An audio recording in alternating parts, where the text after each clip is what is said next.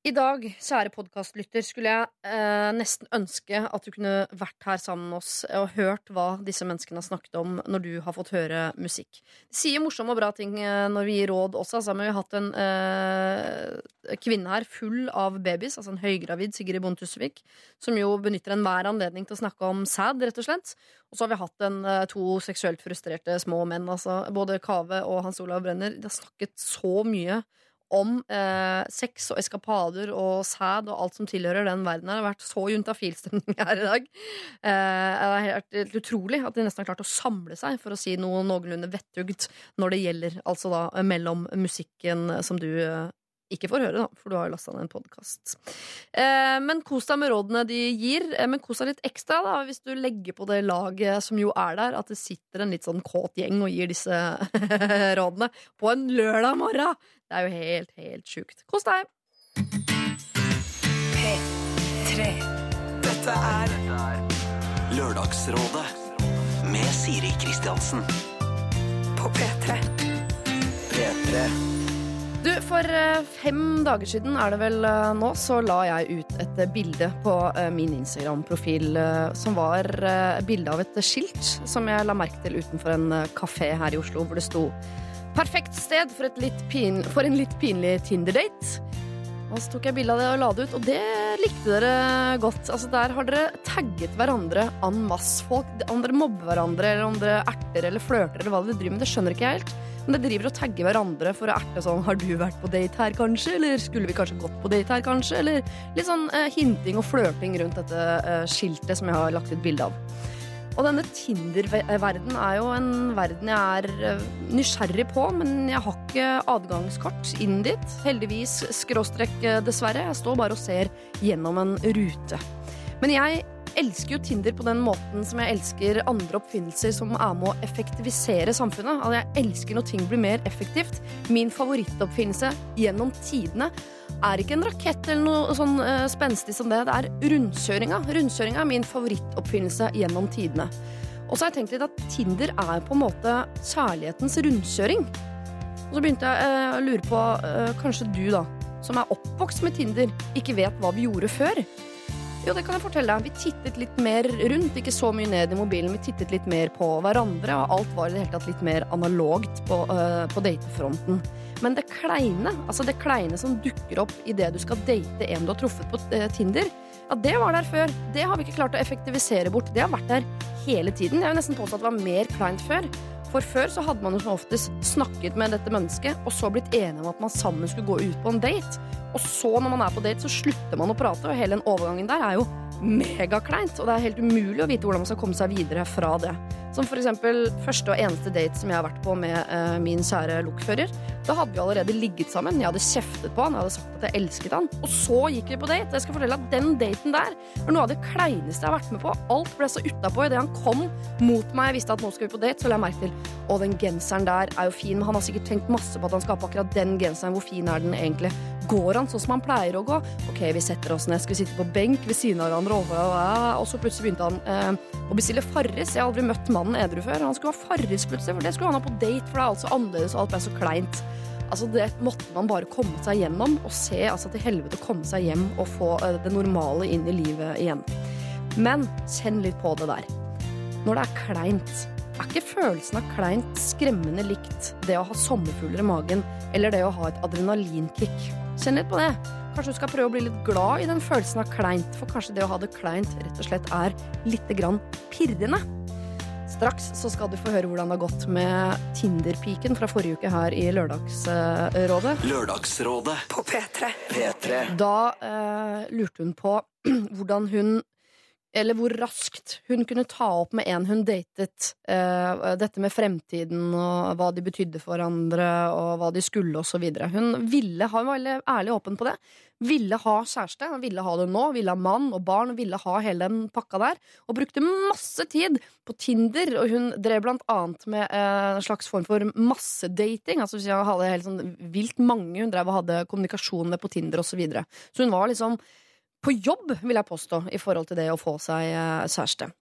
Vi eh, ga henne så gode råd vi bare kunne for en uke siden. Og når jeg sier vi, så mener jeg da Stian Blipp, Stian Staysman og Tara Lina. Og du skal få høre noen av de. P3. Hun prøver å finne alle mulige grunner til at dette her er Manios liv. Og det mener jeg er feil måte å gå, gå til den. Det tar jo lengre og lengre tid før folk får den derre Nå skal jeg lage familie. Ja. Nå er det jo folk skal være s- er nesten 40 før de begynner med det. Tine, du må ikke gå for shortcutten. Det er det hun gjør. Hun hopper over altså, det mest liksom det, eh, det fornuftige i det. Hun skal bare rett til eh, premien. Ja, ja, men og jeg, jeg, føler, nei, jeg føler litt det samme. Hun må rett og slett bare slette Tinder. Ja. Ikke, for, ikke bare forvente at det kommer på, på, liksom, på døra. Jeg vet ikke hvem som kommer på døra. Må bestille mye pizza. ja. Hei, du. Eh, Er det ekstra kjærlighet på den pizzaen? Dette er Lørdagsrådet på P3. P3 Vi har fått en eh, ny mail fra denne Tine, og hun skriver Jeg hørte på dere live, så gøy! Etter jeg fikk tipset, så slettet jeg både Tinder og jeg slettet samvittigheten. Jeg bestemte meg for å me være mer kesera-sera når det gjelder kjærligheten, og bruker tid på andre ting. Jeg trenger en realitetssjekk eller en klapp på kinnet. Jeg vil fortsatt ha en kjæreste fordi jeg er klar for det og snart skal ut i arbeidsmarkedet, og det ene passer godt med det andre. Og ikke fordi jeg er 27. Men dette er ikke bare under min kontroll. Jeg har blitt eh, bedre kjent med en fyr jeg møtte på Tinder før jeg slettet den. Det er både koselig og rolig, og jeg er ikke bekymret eh, for at han bare ser etter et ligg. Vi får se hvordan det går, men jeg er ikke bekymret. Tusen takk, Lørdagsrådet. Hilsen eh, Tine. What will be, will be. Det er kanskje ikke alle som er så kjent med den Kesera Sera eh, What will be, what will be-låta. Denne er bare å finne og høre på. En ganske artig liten låt. Men så fint, eh, Tine. Nå er det ikke sånn at vi vil at folk skal slette Tinder-profilen sin, altså, men når den blir så altoppslukende for folk, som den har vært for Tine, at det er på en måte det eneste som gjelder, så kan det være fornuftig å i hvert fall ta en eh, pause. Nå virker det som ting er litt på stell for deg også, Tine, og det er jo eh, fint, men du er fortsatt litt opptatt av at ting skal passe. Det virker som om kjærligheten er litt matematisk for deg. Altså Det ene passer med det andre, og nå skal jeg dit og er sånn og sånn. Og det, altså, det er akkurat som du vil at det skal gå opp som et slags puslespill. Og kjærligheten er vel egentlig ikke et eh, puslespill. Men du er på vei, og det er positivt.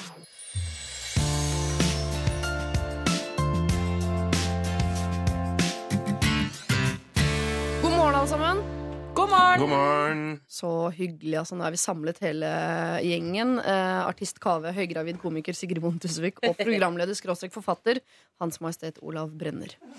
Eh, har alle det bra? Veldig. Helt fantastisk. Helt. Jeg klarer ikke å tro på deg, Kave, når du sier det med så lite innlevelse. Skal vi prøve, prøve igjen? Ja. Helt fantastisk. Ja, har du det fantastisk? Ja, jeg har det bra. Forrige gang du var her, så drev du og datet underveis eh, mens vi var på radio. Stemmer det. På telefonen. Hvordan gikk det? Det har vi vært veldig nysgjerrige på nå i nesten et år. Det går for øvrig ikke så bra, Nei, men eh, det er vel artistlivet. det ble, det ble ikke dere to. Det ble ikke oss to. Nei. Jakten fortsetter. Eh, dere, eh, hvordan går det med magen, eh, Sigrid? Du, jeg skal jo føde mest sannsynlig etterpå, rett etter sending. Eh, så jeg vet jo at jeg, jeg føler at jeg rømmer hjemmefra nå for å hvile. Så jeg, skal, jeg er her, her på rekonvalesens. Ja. Fordi man blir jo litt sliten av å være hjemme og sitte og spille eller bygge Lego. Ja. Så jeg, eh, jeg løper liksom unna for å hvile. Det, man skal jo egentlig hvile hjemme. Det går ikke an å hvile hjemme når man har hyperaktiv mann og barn. Nei. Jeg har sett deg føde på TV før, eh, Sigrid. Hva, skal du podkaste denne omgangen? Det eller? podkaste eller Snapchatte, men jeg vet jo ikke. Nei.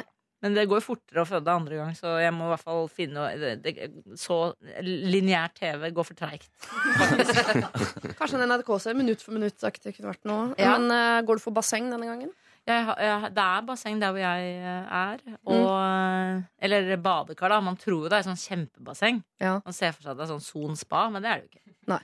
Det er, eh, det er jo folkehøyskole. Du føder på en måte på en folkehøyskole. Der hvor jeg føder. Jeg føder jo på Märtha Lois-style, altså Ja. ABC-klinikken. Ja. Du sto vel i noen slags form for doggypositur oppi et basseng, hvor jeg tenkte at Ja. der er det mange andre som har føda. Der er det, eh, har de vasket. Ja, de er vasker og de desinfiserer noe så inn i granskauen. Ja. Eh, Det er veldig Jeg har spurt om det. De holder på, bytter madrasser og holder på. Ja, ja. Flinke på Ullevål. Så du det, Hans Olav eller Kave, når Sigrid føda på TV sist? Jeg Har ikke fått det med meg. Nei. Nei. Jeg bare tenkte på at med bytter madrasser, for jeg husker da vi fødte, som du heter. Ikke si vi. La oss få ha den, da. Ja, ok. Så, uh, så var det dette med de jordmødrene, ja. Ja. At de skiftet madrass. Altså For meg er det en stor ting å bytte en madrass. Ja. Men det gjorde Det de så utrolig Og dyrt, ikke minst. Siden at det skal være litt ålreite madrasser. Ja. Eh, men dette gjorde de så rutinert og kjapt. Det er noe av det som virkelig gjorde inntrykk på meg. Helt oppe eller på høyde med å få Ja, de en bare sønn smikk, smakk, smukk, så er det et nytt rom klart for nye fødende. Ja. Altså Hotellnæringen og, og jordmødrene har jo masse å lære av hverandre. Hva det der angår Eller de som jobber på danskebåten også, for den saks skyld. Vi skal ta en runde på sivil eh, status. Uh, Innunder eh, sivil status-paraplyen i dag så har jeg lagt til alder, uh, hvor man opprinnelig kommer fra, og livssyn. Eh, jeg burde jo huske det nå, men vi tar en eh, runde allikevel. Vi begynner med deg, Sigrid, for det er egentlig på en måte Sorry, altså, men det er på en måte kjedeligst. For det er så Ja. innmari tydelig hvilken status du har. 36. Mm. Eh, eh, hvor jeg opprinnelig kommer fra. Ja. Nordstrand. Ja. Bekkelaget slash. Ja. Eh, og hva var det siste? Sivil status. Fødende. Fødende. Med to-tre centimeters åpning. Kan vi Og livssyn. Hvordan er du der? Eh, det er, jeg, jeg er ateist og tror ikke på noen ting, og er veldig trygg på det. Ja, er ikke Jeg det kommer- agnostiker? Nei, da er du, da, når du er agnostiker, så se, lager du litt åpning. Og jeg, det kan hende det er noe, men jeg Ja. tror ikke To centimeter åpning, da. ok, så du er ateist. ja, det, det er så deilig å vite at jeg skal ned i jorda som støv, Ja. og skal ikke råtne engang. Jeg skal brennes og ligge der i en lita urne til jeg blir gravd opp igjen til det ikke er plass til meg Ja, i jorda. skjønner. Åssen er det med deg eh, nå, Hans Olav? Eh, altså, nå er vi på sivilstatus. Jeg er jo da gift, jeg er 37 år, 37 år, og har to barn. Ja. Ett og tre år. Og ble veldig truffet av Sigrids sterke historie om å, å være på rekonvalesens, for det føler jeg også at det er. Hjemmefra. Og ja, Sigrid og jeg møttes veldig på det rett før her, at vi var litt dårlige til å informere om at vi skulle være borte i tre timer i Ja. dag. Liksom inntil rett før avreise, da. Det er lurt, det. Men opprinnelig fra Jeg burde huske det, men husker, det er noe Hamar-aktig, er det ikke det? Nei, det var jo da blir jo på en måte, men helt feil. For eh, det er jo Gjøvik-sida da jeg kommer fra. Ja, andre sida. Ja. Mm. Det er ikke så viktig for meg, men det er et poeng. Men jeg også kommer fra veldig liten bygd. Landåsbygda. Du er fra mennesker. Søndre Land, altså du Søndre er fra mordergården. Dødens gård. ja. Dødens gård, ja. Det var veldig Er du fra Dødens gård, eller har du vokst opp i den Nei. brønnen? Nei, det, var, det er på andre sida av Randsfjorden. Det der kan man trøste seg med. ja. Så du må over Flubberg bru for å liksom Men, men det, det var jo litt sterkt. Altså når du vokser opp et lite sted, er det veldig sjelden du leser nyheter hjemmefra, holdt jeg på å si. Ja. Og så plutselig så er det sånn heading, egen heading i VG dag etter dag, og Dødsgården og sånn. ja. Det synes jeg var ikke noe moro, det. Nei. Men tror du da for på- uh, Orderud, altså ja, de som bor borti der. Men tror du da på Gud? Det er eh, Ja, livssynet ditt. etter dette? Nei, altså Jeg er ateist med eh, to centimeter åpning. Ja. Skjønner, skjønner, skjønner. To centimeter. Ja. Kaveh, vi er mest nysgjerrig på deg, egentlig. Sivil status, alder, opprinnelig fra livssyn. Tjo. 21 år. Ja. Representerer alltid Løkka. Ja. Midlertidig singel. Ja. Lov å gå for det. Ja, ja, ja. Livssyn. Ja. Utgangspunktet muslim, med en Ja. veldig liberal touch. Men jeg føler livssyn er i konstant forandring med alderen. Ja. 21 år. Jeg har ikke tid til å defineres. Nei. Og bare Men blir mer og mer spirituell, da. Det er det som er den nye greia. Ja. Ja. Så du er eh, i utgangspunktet muslim, men med to centimeter åpning for andre To centimeter åpning. For andre Yes, ting. Ja, yes. Er du åpen da for buddhismen og sånn? Det Buddhismen er fin. Ja, er Faren min er stor fan av buddhisme. Ikke sant? Mm. Ja. For en eh, åpen gjeng, rett og slett. Eh, dere skal få lov til å gi råd fram til klokken eh, tolv eh, i dag. Og hvis du som hører på har et problem du tenker at eh, sitter som hånden i hanske til den gjengen her, så er det bare å, sende det inn. Bruk mailadresse lralfakrøll.nrk.no. Dette er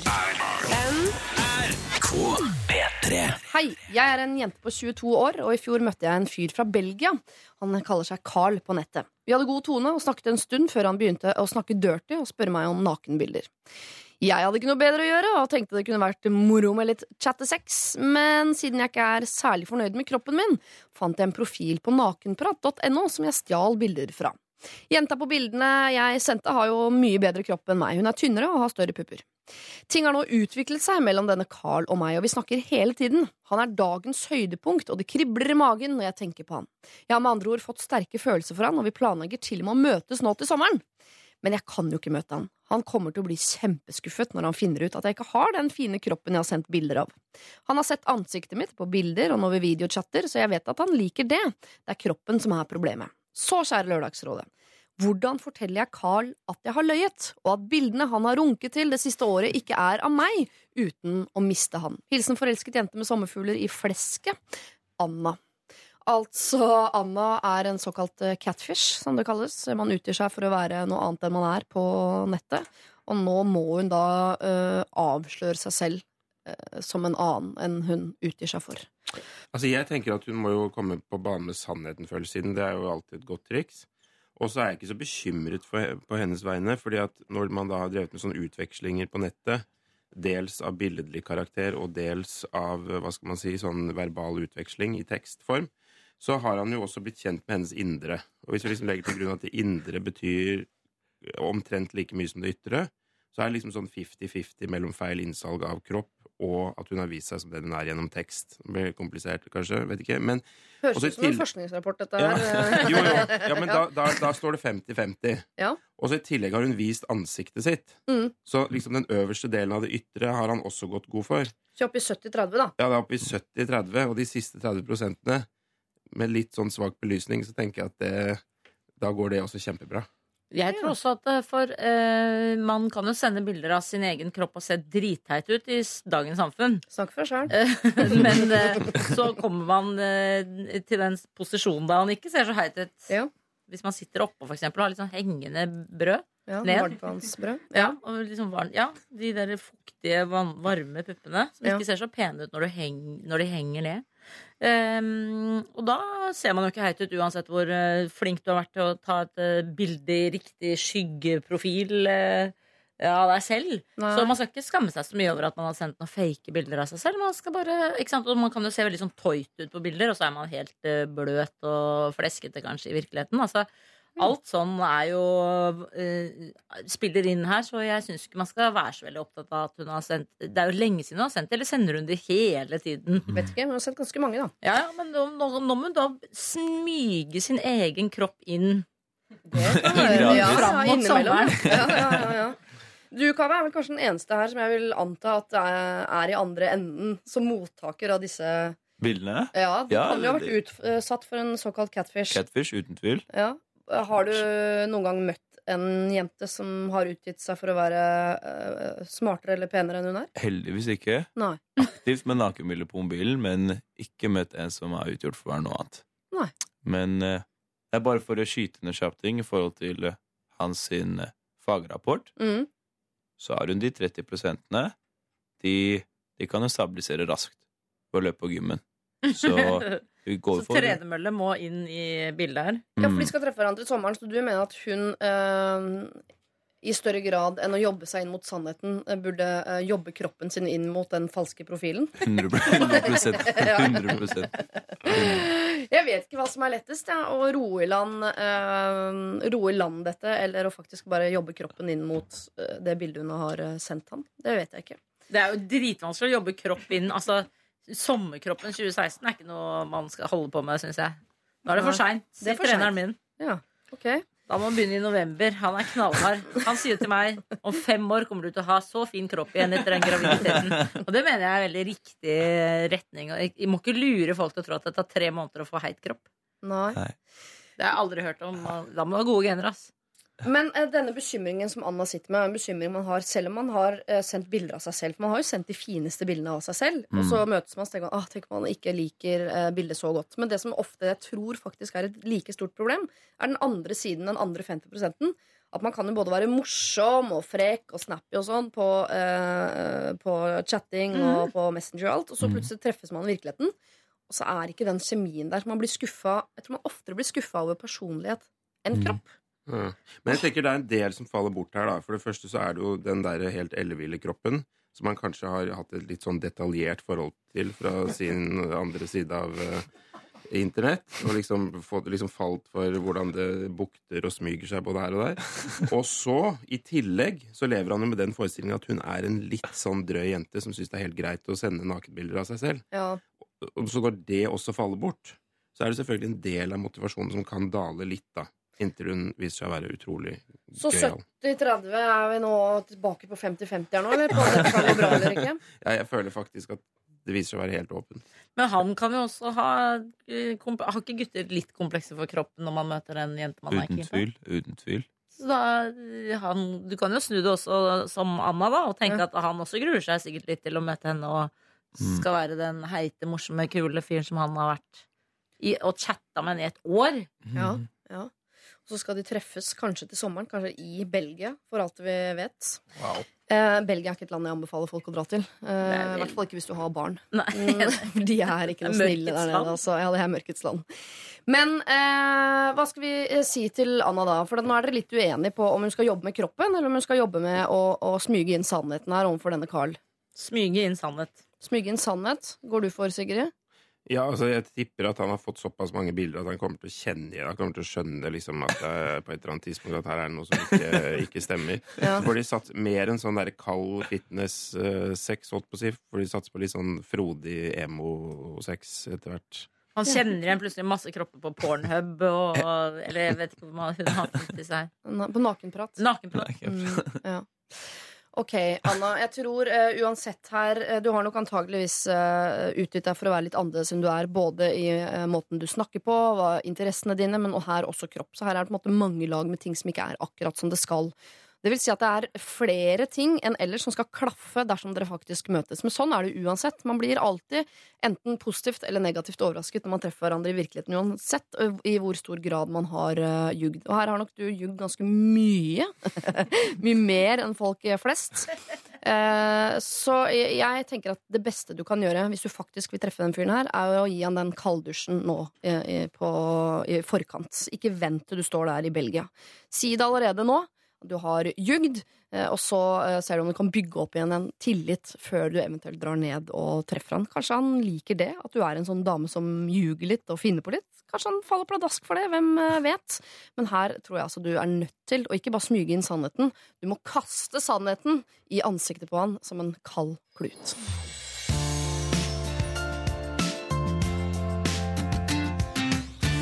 Eh, vi har et nytt problem til dere. Jeg skal lese det i sin helhet. Her står det. Min beste venninne tror hun kommer til å bli alkoholiker. Det fortalte hun meg nylig. Det vil si, hun sa det som en spøk, men da eh, vi hadde tatt noen øl og utover kvelden, så ble samtalen dypere og mer seriøs. Vi er studenter, og min venninne skriver masteroppgave i eh, vår. Hun sa at hun eh, har så mye å tenke på, og har begynt å ta seg en eh, to, en til to øl eh, for natta for å få sove ordentlig. Hun sa at hun gruer seg til å starte i jobb med alt presset som medfører, og hun lurer på hvordan hun skal komme seg gjennom den første tiden. Jeg sa at grensen går eh, når alkoholen styrer om å få sove eller ikke, og hun sa at hun ligger våken og bekymrer seg lenge de kveldene hun ikke tar seg noen øl. Så det er jo eh, Hun er jo på feil eh, vei, for å si det sånn. Men det sa jeg ikke til henne. Etter samtalen ble jeg oppriktig bekymret for hvordan dette kan utvikle seg hvis jeg ikke tar tak i det nå. Arbeidspresset er stort nå på siste vers av studentlivet. Det siste jeg vil, er at hun skal bli alkoholiker. Jeg vet hvor ødeleggende det kan være for venner, familie og andre. Jeg har sett det hos bekjente av meg selv, og det er stygt. Jeg vet ikke hvordan jeg skal formulere mine bekymringer uten at hun tar det som en fornærmelse. Å beskylde venninnen sin for å være alkoholiker er jo ganske alvorlig, så hvordan gjør jeg dette? Jeg håper dere kan eh, hjelpe meg og hjelpe henne, så tusen takk. Hilsen eh, Hilde. Vi skal altså egentlig ikke hjelpe Hilde, eller vi skal jo hjelpe Hilde også, men vi skal hjelpe Hilde å hjelpe en annen som har sagt at hun er redd for at hun skal eh, bli alkoholiker. Er dette en problemstilling dere har hatt tidligere i livet, folkens? Nei. Ingen Ikke På et personlig nivå. Nei. Nei. Og det vitnet jo om veldig mye altså, man, Jo, men jeg har vært borti folk som, eh, som virker som de ikke ja, ja, Altså litt motsatt, da. At de drikker litt for mye, men ikke er i nærheten av å innse det selv. Eller det blir sånn Oi, dette var da påfallende, liksom. Igjen. Men, men her er det et menneske da som viser litt selvinnsikt og faktisk eh, åpner seg for noen. Og det gjør jo at problemet faktisk er lettere. For det er jo verre med de som overhodet ikke er litt bekymret engang for at de drikker eh, mye. Så det er faktisk allerede der så har vi en liten to centimeter åpning. for å kunne hjelpe Hilde med dette her. Lørdagsrådet på P3. Hvordan hjelper man uten å fornærme Kave? Har du en oppskrift på det? Det er ikke mye fremgangsmåte, i hvert fall. Jeg, jeg er glad i å hjelpe med å fornærme. Ja. er en sånn hardere tilnærming til hverandre, vi. På Løkka. Ja. En god venn av meg som heter Isak Bones. Han hadde litt sånn alkoholproblem, og da bare sier vi det rett ut. Da må du drite i å drikke så mye, Isak. Det er ikke godt for deg. Men hva Så- gjør Isak da? Drikker han mindre eller mer? Ja, eller? han tar det til seg. Det er konstruktivt. Funker konstruktivt. Og han blir ikke fornærma heller? Jo, fornærma blir han. Ja. Men noen ganger må man sette inn støtet, så de kjenner på det. Ikke for å dra eh, altså, kjønnskampen inn i dette, men kanskje gutter er litt flinkere på det der enn jenter. Å være litt sånn hardere med hverandre. En jenter som går jo rundt hele tiden og er livredd for å fornærme hverandre. Hva tenker du, Hans Olav, om det? Nei, jeg vet ikke. Uh... Har du sånn hard dialog med dine kompiser? nei, det er nok ikke jeg, Det er nok litt mer sånn gå rundt grøten. Selv om de ligger strødd som alkoholvrak på alle kanter. uh, På nei, film har du veldig hard uh... jeg har Tone der. 31. august. Har du Ja. ikke sånn hard eh, samtale med Jeg er kanskje ikke så Anders empatisk som jeg trodde. Jeg er kanskje ikke så empatisk som jeg tror heller, men det er, Ja. kanskje jeg er det. Men nei, altså, det jeg tenker, da altså, et resonnement er jo liksom at når noen sier 'jeg tror jeg er i ferd med å bli alkoholiker', så kan man tenke seg at der ligger det allerede en sånn sperre en sånn bevissthet som nærmest i seg selv er en sånn garanti mot at det skal skje. Det er sikkert litt naivt, da, men at det i hvert fall er oppe liksom på bevissthetsplanet, så det er liksom betryggende i seg selv. Mm. Uh, og så tenker jeg at her er det jo liksom det ligger jo, altså det er jo, ligger jo så sinnssykt til rette for en, for en god prat. Da. Hvis, hun, hvis, ikke den direkte stilen ikke ligger for henne, så har du jo en uh, god inngang med at hun selv er uh... Men det tenker du at du har et alkoholproblem, eh, Sigrid? Ja. To øl for å sove? Ja, da har du et alkoholproblem, tror jeg. Eh, eller da har du rett og slett et søvnproblem. Ja. ikke sant? Så du får ikke sove fordi hjernen jobber som bare fadder. Og da er det jo noen som løser det med å ta en sovepille. Eh, noen løser det med å trene fire ganger om dagen ikke? For, bare for å sove for at hjernen skal få hvile. Som en hund, nærmest. Som Ja. bare løper seg så sliten at man ikke sovner på kvelden, men man, eh, man besvimer. Mhm. Og noen tar eh, rett og slett eh, to øl. Eh, så tenker jeg jo at Fordi Hilde sier sånn Jeg har, jeg har ikke lyst til å beskylde venninnen min for at hun er alkoholiker, men det er jo på en måte venninna selv som beskylder seg selv for å være, være det allerede før hun på en måte egentlig er det, og alle, alle venninner og venner eh, hører alarmklokkene ringe. Ja. Så jeg tenker sånn Det er jo Dette er generasjon perfeksjon vi snakker om, ikke sant? Så de er jo ikke alkoholikere i utgangspunktet. De tror bare at de er det. De har et sykt bilde av seg selv hvordan de skal leve et sånn veldig streit liv. Det at man drikker to øl eh, en liten periode i en master, som er ganske krevende for hjernen og helsa, tror jeg. Ja. Jeg husker søsteren min tok master. Men du snakker og- deg bort fra alkoholismen nå. Nei, fordi hun har hun, Jeg tror hun er midt i en sånn masteroppgave. Hun skal levere den. Hun er jævlig bekymret for framtida. Og det er skjønner jeg, ja, og det skjønner jeg veldig godt, fordi man eh, nå i disse tider så får man jo faktisk ikke jobb liksom rett etter studiene. Man burde egentlig bare studere et fire-fem år til. til over kneika. Ja, Ja, men, ny eh. Så selvfølgelig er hun stressa på det, Mm. eh, og Men- må, må eh, få en, finne en løsning. Så det eh, hun Hilde bør gjøre, er liksom å, å følge opp litt da, framover. Si liksom Ja, for nå høres det ut som hun mener at det ikke er så farlig om hun gjør det en periode, men hvis hun for første gang i livet hvor hun opplever stress og press og sånn, også finner ut at løsningen på det kan være alkohol, så vil du si at i neste runde med stress og press, og det kommer noen runder av det gjennom livet, Ja. så vil hun alltid uh, gå tilbake til det som var løsningen sist, og Ja, det var dumt. alkohol. Så det er jo litt dumt. Men jeg mener at liksom alkohol ikke er så uh, Altså, jeg tror ikke det er så farlig foreløpig. Siden hun på en måte egentlig også vet selv at her driver jeg med litt sånn farlige ting. Ja. Men hvis hun hadde liksom vært sånn som blacka ut og ikke visste hvor hun var hele tiden og Altså Hun sitter og drikker to øl hjemme for å roe ned nervene. Ja. Det er jo selvfølgelig veldig dumt. Og eh, det blir styggere og styggere jo eldre du blir, og det, det er jo ikke noe bra. Nei. Men eh, jeg føler jeg har vært bortpå venner som har brukt mye alkohol for å få sove og roe ned nervene, og det har gått bra med dem. Men det var jo dette her med at det var søvngreie. Altså, for det finnes sånne skjemaer på nettet.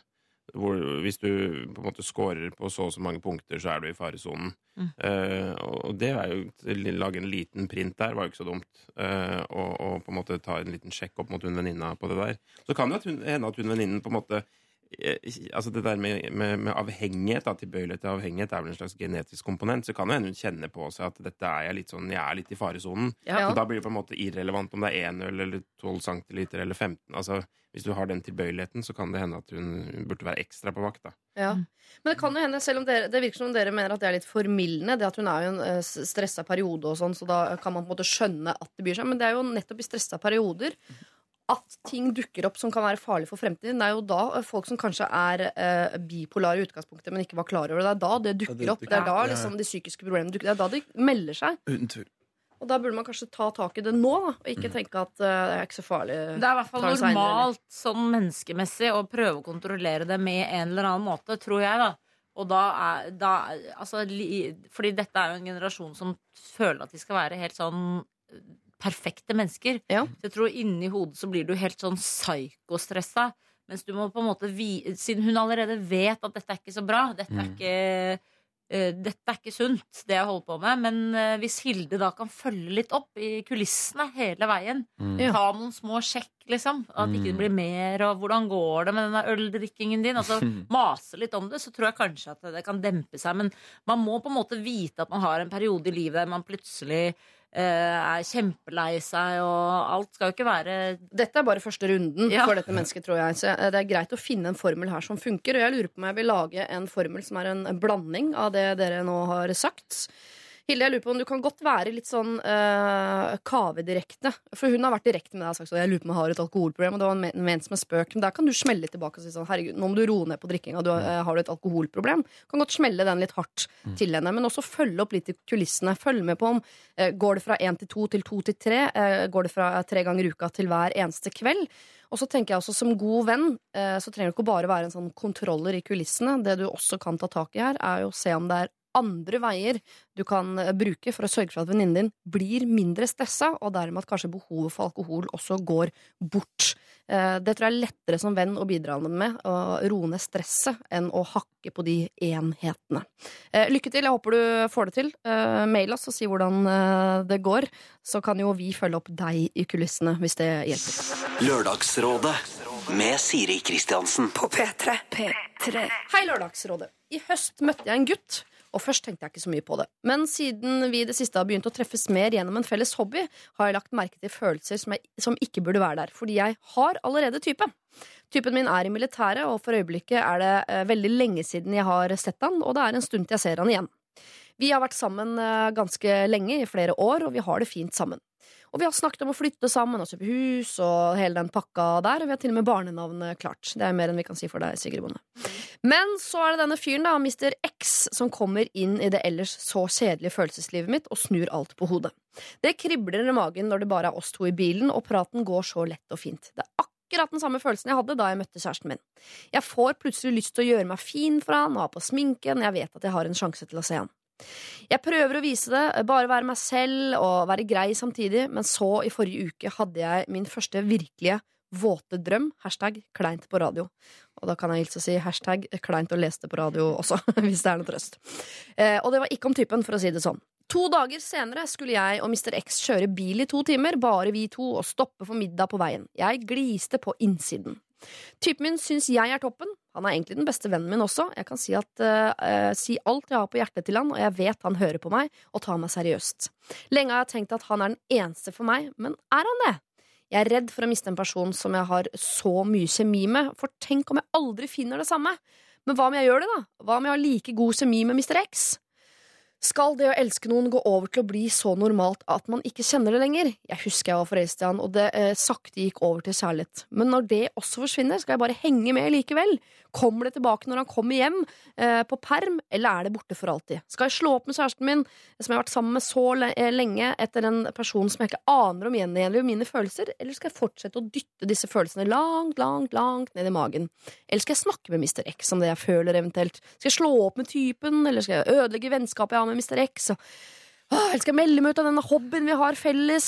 Åh, lykke til, og hilsen fra Jeanette. Altså Hun ønsker seg selv lykke til etter å ha gitt seg selv veldig veldig mange løsninger på dette eh, betente problemet. Ja, jeg syns dette er vanskelig, fordi jeg mener jo ofte at hvis eh, Jeg hadde jo også en kjæreste som var i militæret, og det ble slutt, og jeg elsket jo han veldig, veldig høyt. Det ble slutt, og sånn det liksom Og der også mista vi litt sånn kjærligheten, eller den der intense kjærligheten. Ja. Som, men vi var kjempegode venner, og jeg digget jo han. Og det som er da problemet, tror jeg, er liksom hvis du er veldig sånn hjemmekjær, og du har planlagt hus og barn og sånn, det er veldig riktig, mener jeg da. Man skal alltid ha en kjæreste man planlegger hus og barn med, uansett. Alder, Om liksom? det, ja, uansett alder. Men, og man burde kanskje vite litt inni hjertet sitt at kanskje Man skal jo leve lenge, og hun Jeg regner med at kanskje hun er 20-22-23, kanskje. Ja. Eller 20, Ja, da, for er han er i militæret. Og da Ja. øh, føler jeg liksom at hun må leve litt, hun òg. Og man kan vokse litt fra hverandre.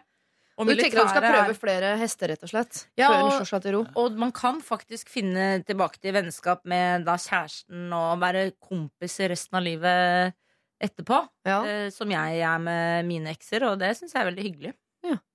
Du er jo i den aldersgruppa her, eh, Kaveh. Er- Tenker du at det er for tidlig å slå seg helt i ro nå? Altså hus og familie og unger og Altså, jeg tenker Det som foregår oppi hodet hennes, er helt naturlig. Men uh, tenk på stakkars militanten da, som sitter der oppe og bare venter på å komme hjem til kjærligheten sin, og hun driver og fikler med Mr. X. Ja. Ja, Det var tydelig kommunisert før hun bare hopper i det følelsesreilet her.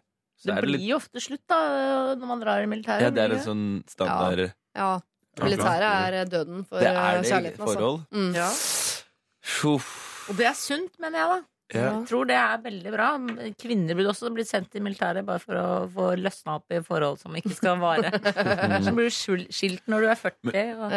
Men ut fra hvordan hun kommuniserer her, så er det tydelig at hun Det virker som om hun bikker mot Mr. X. Faller litt på et vet, tydelige, tilfeldige middager og var det to-tre timers bilkjøreturer, eller Det høres dritkoselig ut, da. Ja. ikke nekte seg selv eh, en ny og spennende forelskelse. Nei. Nei, men skal man hoppe hver gang man er forelsket? For det er jo, altså, som hun sier, hun skriver jo sånn Det er akkurat den samme følelsen jeg hadde da jeg møtte kjæresten min. Å ja, Så det vil si at nå hopper du på en som gir deg akkurat de samme følelsene som kjæresten din ga deg i starten. Så får du de en gang til, og så må du eh, sende en ny mail til Lørdagsrådet om tre år, for da er de borte med han fyren. Her, Mr. X, og så har du møtt Mr. Big istedenfor, som gir deg de følelsene på altså, Mm. Sånn er jo livet. Du møter ikke en fyr som gjør at de følelsene er der hele veien ut. Det er ikke mulig. Men altså, Man skal ikke gjøre narr av dette menneskets følelser i det hele tatt, verken den ene eller andre veien. Men jeg fikk kanskje litt følelsen av at det var ikke sånn ellevilt ja, altså Ingen av disse gutta Altså, jo, hun, det, hadde jo, det hadde gått fra kribling og sakte hadde vokst frem kjærlighet, og sånn snakket hun om når det gjaldt han andre.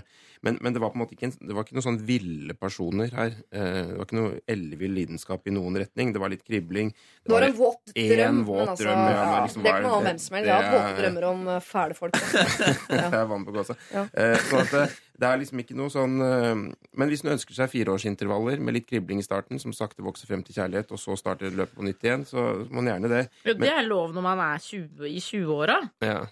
Det er viktig, det. Eh, ja, det har Man kanskje leter egenverdi. og prøver og feiler og finne ut hva slags type man selv er, og hva slags type man vil falle for, tror jeg. Ass.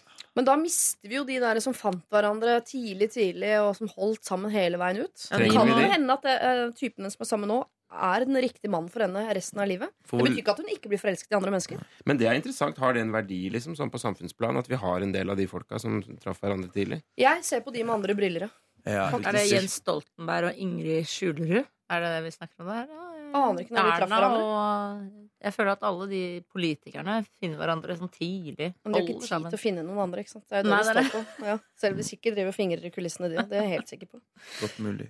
Men eh, det, virker- Sigrid, du vil at hun skal hoppe her. Hun er ung, så her må man bare prøve flere hester. Man må det, man må ut og, og feile. Man må drite seg ut fordi man skal finne riktig person. Man tror veldig ofte hvert fall sånn som jeg, da, som er veldig sånn som eh, går inn i forhold. Mm. Og da bestemmer jeg meg. Dette er mannen i mitt liv. Han skal jeg ha barn og, og hus med. Det har jeg gjort helt fra jeg var da 17 år, da jeg fikk min første kjæreste. Eh, og så har jeg skjønt å ja, nei, det var ikke han jeg skulle ha hus og barn med. Og så neste Han her skal jeg ha hus og barn med. Så bare, nei, det var ikke han heller, faktisk. Mens nå, hus og barn. Klaffa til slutt. Og, det, og han her vet jeg jeg skal ha hus og barn med, og nå har jeg hus og barn nå. ja. Og han, reptileren min sier bare Ging, dette er riktig cal. Men du Kave, mener, virker som du i hvert fall mener at hun må rydde opp med kjæresten først. Ja, Så ikke han sitter oppi Nå sier jeg nord, for det er så mange som er i militæret i nord. Mm. Så ikke han blir veldig lei seg midt oppi dette her. Uten tvil. Kommunikasjon er et viktig aspekt her. Jeg føler at hun burde Hun burde snakke om situasjonen sin. I Mm. hvert fall overfor typen. Av respekt også. Men skal hun ringe han og si jeg har fått. Følelser. Jeg har fått følelser for en annen fyr? Skal hun ringe og si det til kjæresten sin? da? Det ville vært det mest ærlige. Ja. Det er Eller, eller er det ja, men den er vond, men den er ærlig. Ja. Enda verre å bare komme hjem og se Mr. X i bildet og bare pju, På sitt beste. Vi, går, vi, vi sier det. Fordi det er gøy som et, eh, Om ikke annet så er det gøy som et eksperiment eh, som er sunt for Lørdagsrådet å følge og se om dette er den riktige veien å gå. Jeanette, det du skal gjøre, er at du skal eh, involvere kjæresten din i dette her. Du skal ringe kjæresten din og si du har fått følelser for en annen fyr.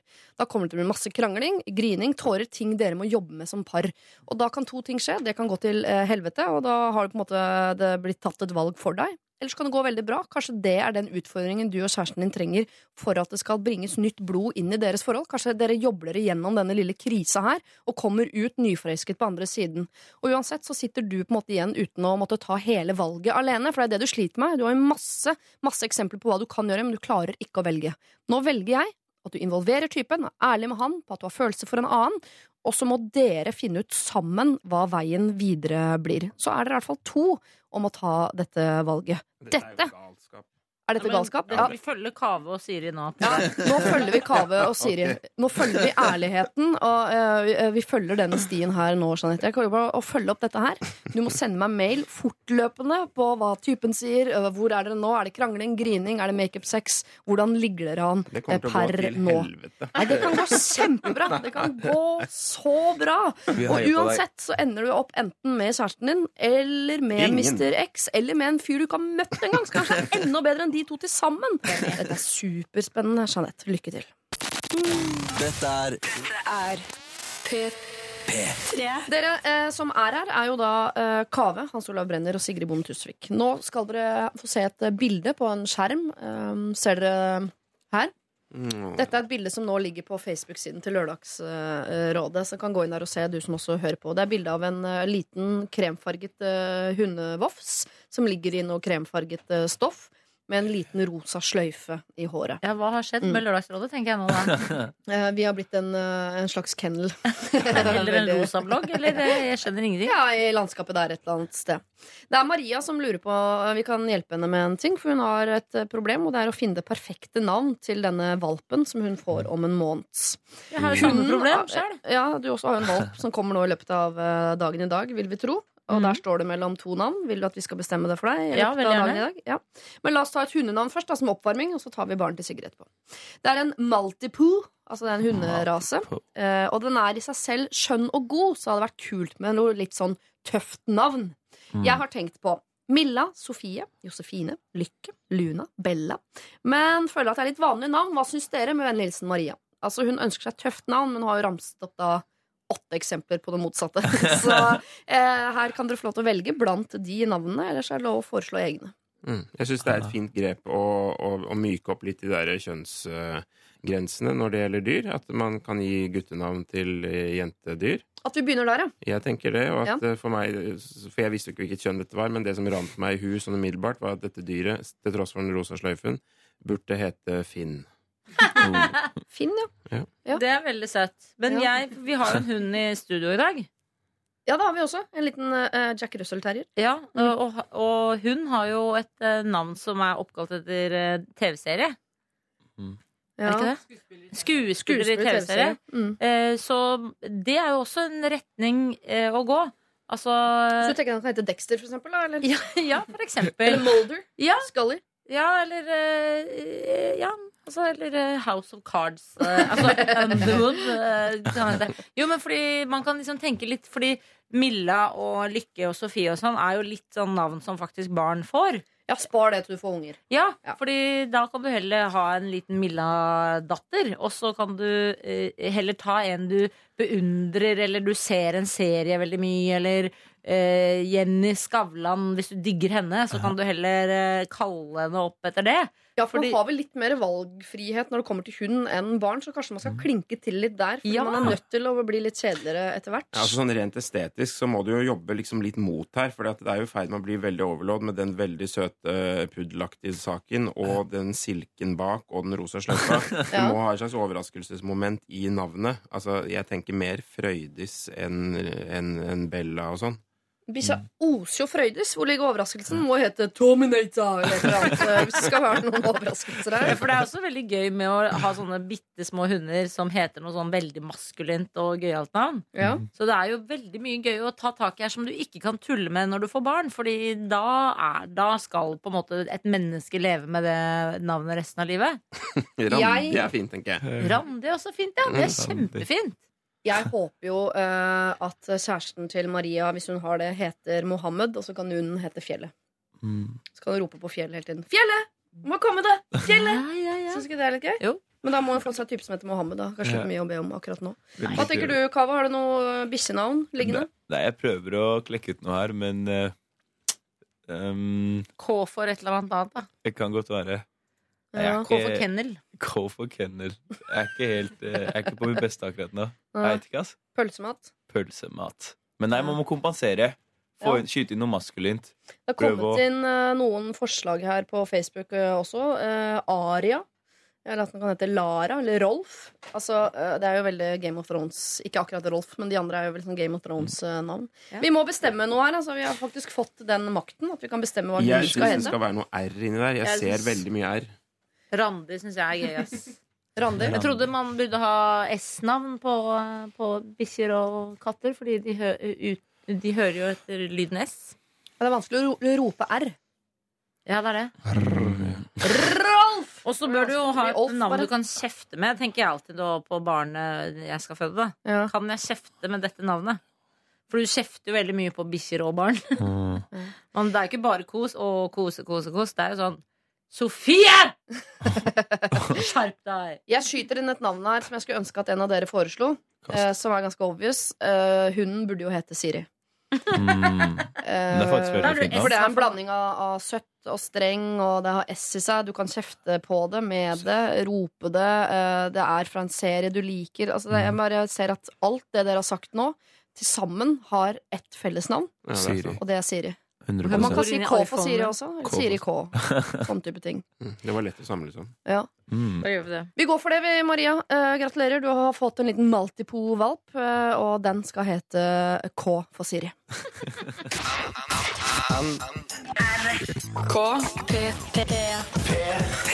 Sane fikk jo det her med sin pillow talk her i Lørdagsrådet. Og vi skal eh, lese en eh, mail med et problem fra en frustrert Mats, som har skrevet 'Kjære, søte, snille Rådet'. Jeg er frivillig i en organisasjon. Jeg har stor glede av det. Møter flotte folk og jobber med ting som er relevant for jobben.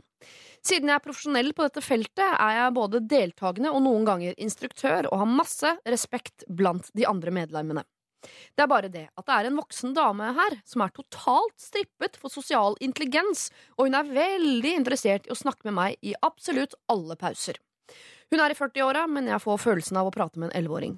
Problemet er at jeg har lyst til å være like grei med alle som er der, både fordi jeg er instruktør, men også fordi jeg vokste opp som mobbeoffer. Følelsen av å bli avvist sitter godt i ryggmargen, for å si det sånn. Men jeg er så dårlig skuespiller, og når denne damen svært entusiastisk begynner å dele sine lange og totalt meningsløse tankerekker, er jeg redd for at jeg skjuler min mangel på interesse veldig, veldig dårlig.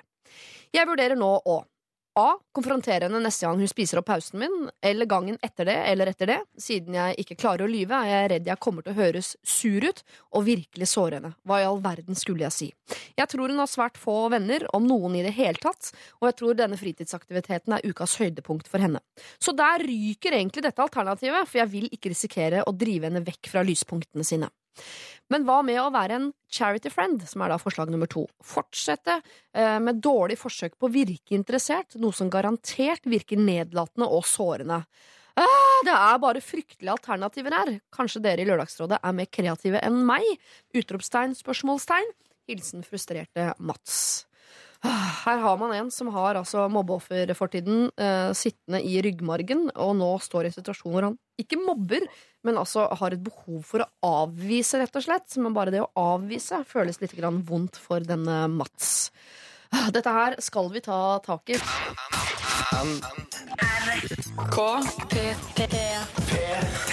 Super Family, altså. The radio has expressed concerns about what you did last night. Hva gjorde dere i går kveld, da? Sigrid, noe gøy, eller? Jeg så House of Cards. Hans Olav? Jeg kjørte hjem til Oslo fra Søndre Land. Har vært og besøkt mamma? Ja, og så var jeg leverte blomster til tanta mi, som blir 70 år. Og... Herregud, for en fin fyr du er, da. Ikke ikke ro noe- bare fordi jeg så House of Cards. Jeg så jo Idol også. Ja. Du da, Kaveh, hva gjorde du i går? Satt, satt og miksa på nye EP-en min, jeg. Ja. Ja. Men jeg misunner hans, da. Ja. Kan vi ikke bare skulle være gjerne enige kjørt rundt og levert blomster til 70 år gamle mennesker. Koselig det. Mer sympatisk. Ja, jeg tror eh, Hvis jeg kunne kjøpt en av de kveldene der, så Ah, Jeg hadde kjøpt Hans Olav sin. Jeg hadde så Hæ, lyst til å si sittet sin fordi det er kulest. EP? Det hadde jeg gjort. Hvis jeg hadde hatt muligheten til å kunne klare det. Jeg elsker å kjøre bil om kvelden. Det er det det går på. Så det handler ikke om blomster eller 70 år gamle tanter. Dere, eh, glem eh, meg. Glem dere selv. Fokuser på eh, Mats. Han er altså tidligere mobbeoffer. Det sitter i ryggraden hans. Nå er han instruktør uh, i en frivillig organisasjon, og der er det en 40 år gammel dame. Velmenende antagelig, men som spiser opp alle pausene hans. Og han er usikker på hvordan han skal få sagt ifra om det uten å gi henne den følelsen han får når han kjenner på det gamle mobbeofferet i seg. At man har begynt å kalle Elixia for en fri, frivillig organisasjon, reagerer jeg veldig på. Det er nok ikke tre, Jeg tipper det her er noe innenfor noe kunstrelatert. Ja. Altså Om det er uh, potettrykk eller hva det er for noe, det vet jeg ikke. Men det er ikke så farlig heller, føler jeg. Hvordan skal uh, Mats få pausene sine tilbake uten å såre denne 40 år gamle damen? Mm, det er jo nydelig at han, ja, at han ivaretar folks følelser på den måten. Da. Hvis det var litt flere av de i verden, så hadde det vært uh, veldig, veldig, veldig, veldig fint. Man kan jo ta det rent saklig og si sånn Det er kjempespennende å snakke med deg. Uh, det ville være en løgn, for så vidt. Uh, og det er jo et problem, kan man si. Men løgn for å skåne andre og ikke seg selv er lov, Ja, har jeg lest. lest. Ja, så da er det greit. Og så kan man si men som liksom ansatt her på, på Sats Elixia etter sammenslåingen, så er jeg nødt til å fordele meg mer eh, demokratisk på eh, alle eh, deltakerne. Ja, ja, det er jeg helt liksom. enig i. Det er veldig saklig, da. Ja. Hadde du trodd på det greiene der, Kave? Jeg er heller mot det han sier. Ja. Eh, smart. Ja, fordi han kan i hvert fall ikke såre følelsene hennes. For det som han sier, liksom han kjenner på at hun trenger han, og det er høydepunktet hennes. Eh, Så han kan ikke avvise henne. Og det er jo litt av poenget med å være frivillig eh, et sted. Er jo nettopp å hjelpe sjeler som trenger en han og halli. Ja. Eh, Så jeg tror at man må dessverre, og som tidligere da mobbeoffer, som han sier, så vet han jo hvor hardt det der er. Eh, Så han må bare stå i det og tenke at det, det er eh, altså, Fordi jeg er så imot at man skal liksom konfrontere folk som egentlig ikke trenger den konfrontasjonen. Det gjør egentlig ikke hun.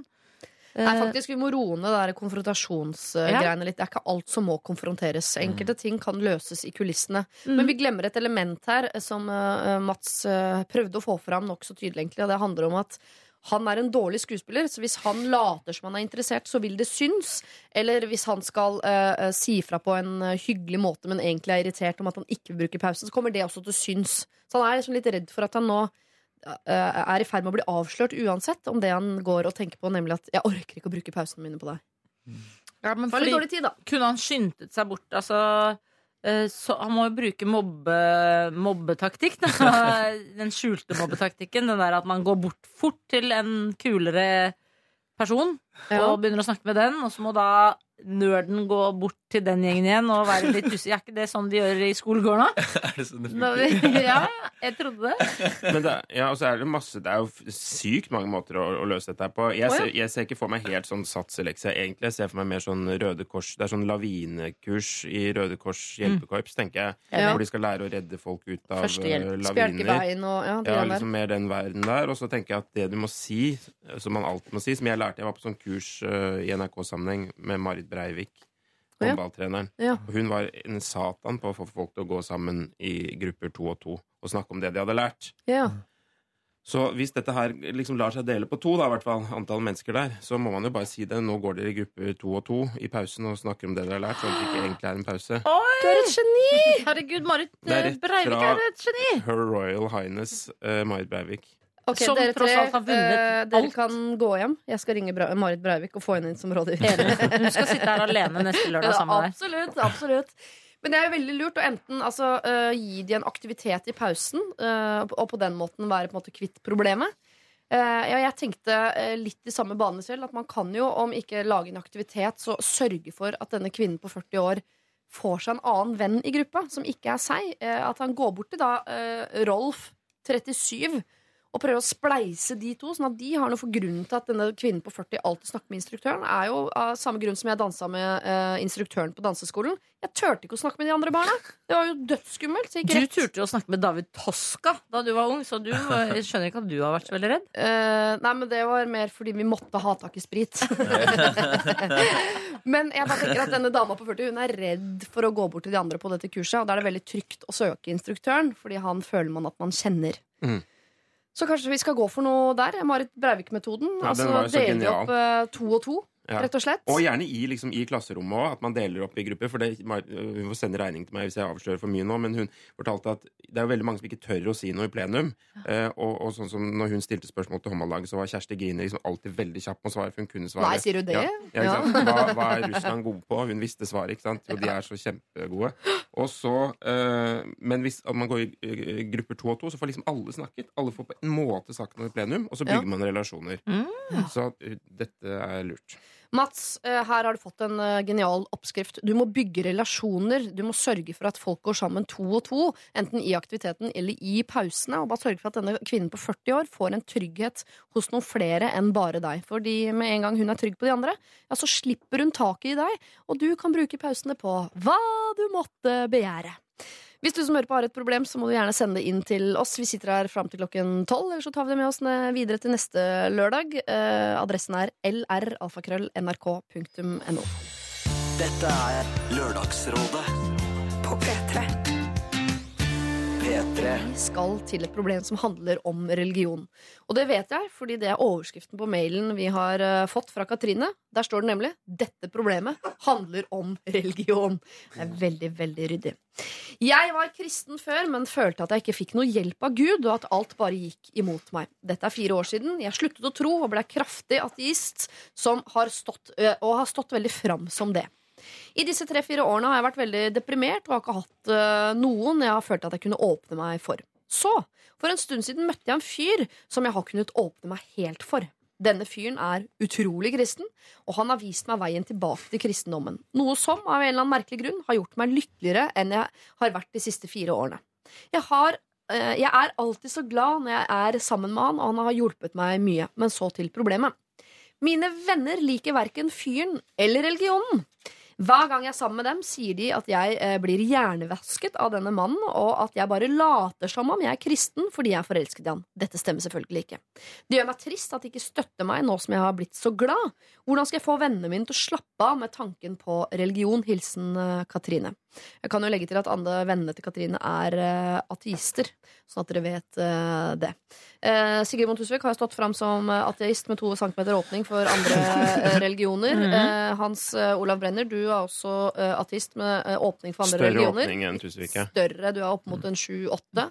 Eh, og Kaveh, Kave, muslim med to centimeter åpning for eh, andre For religioner. buddhismen. Blant annet Blant buddhismen. annet, blant annet.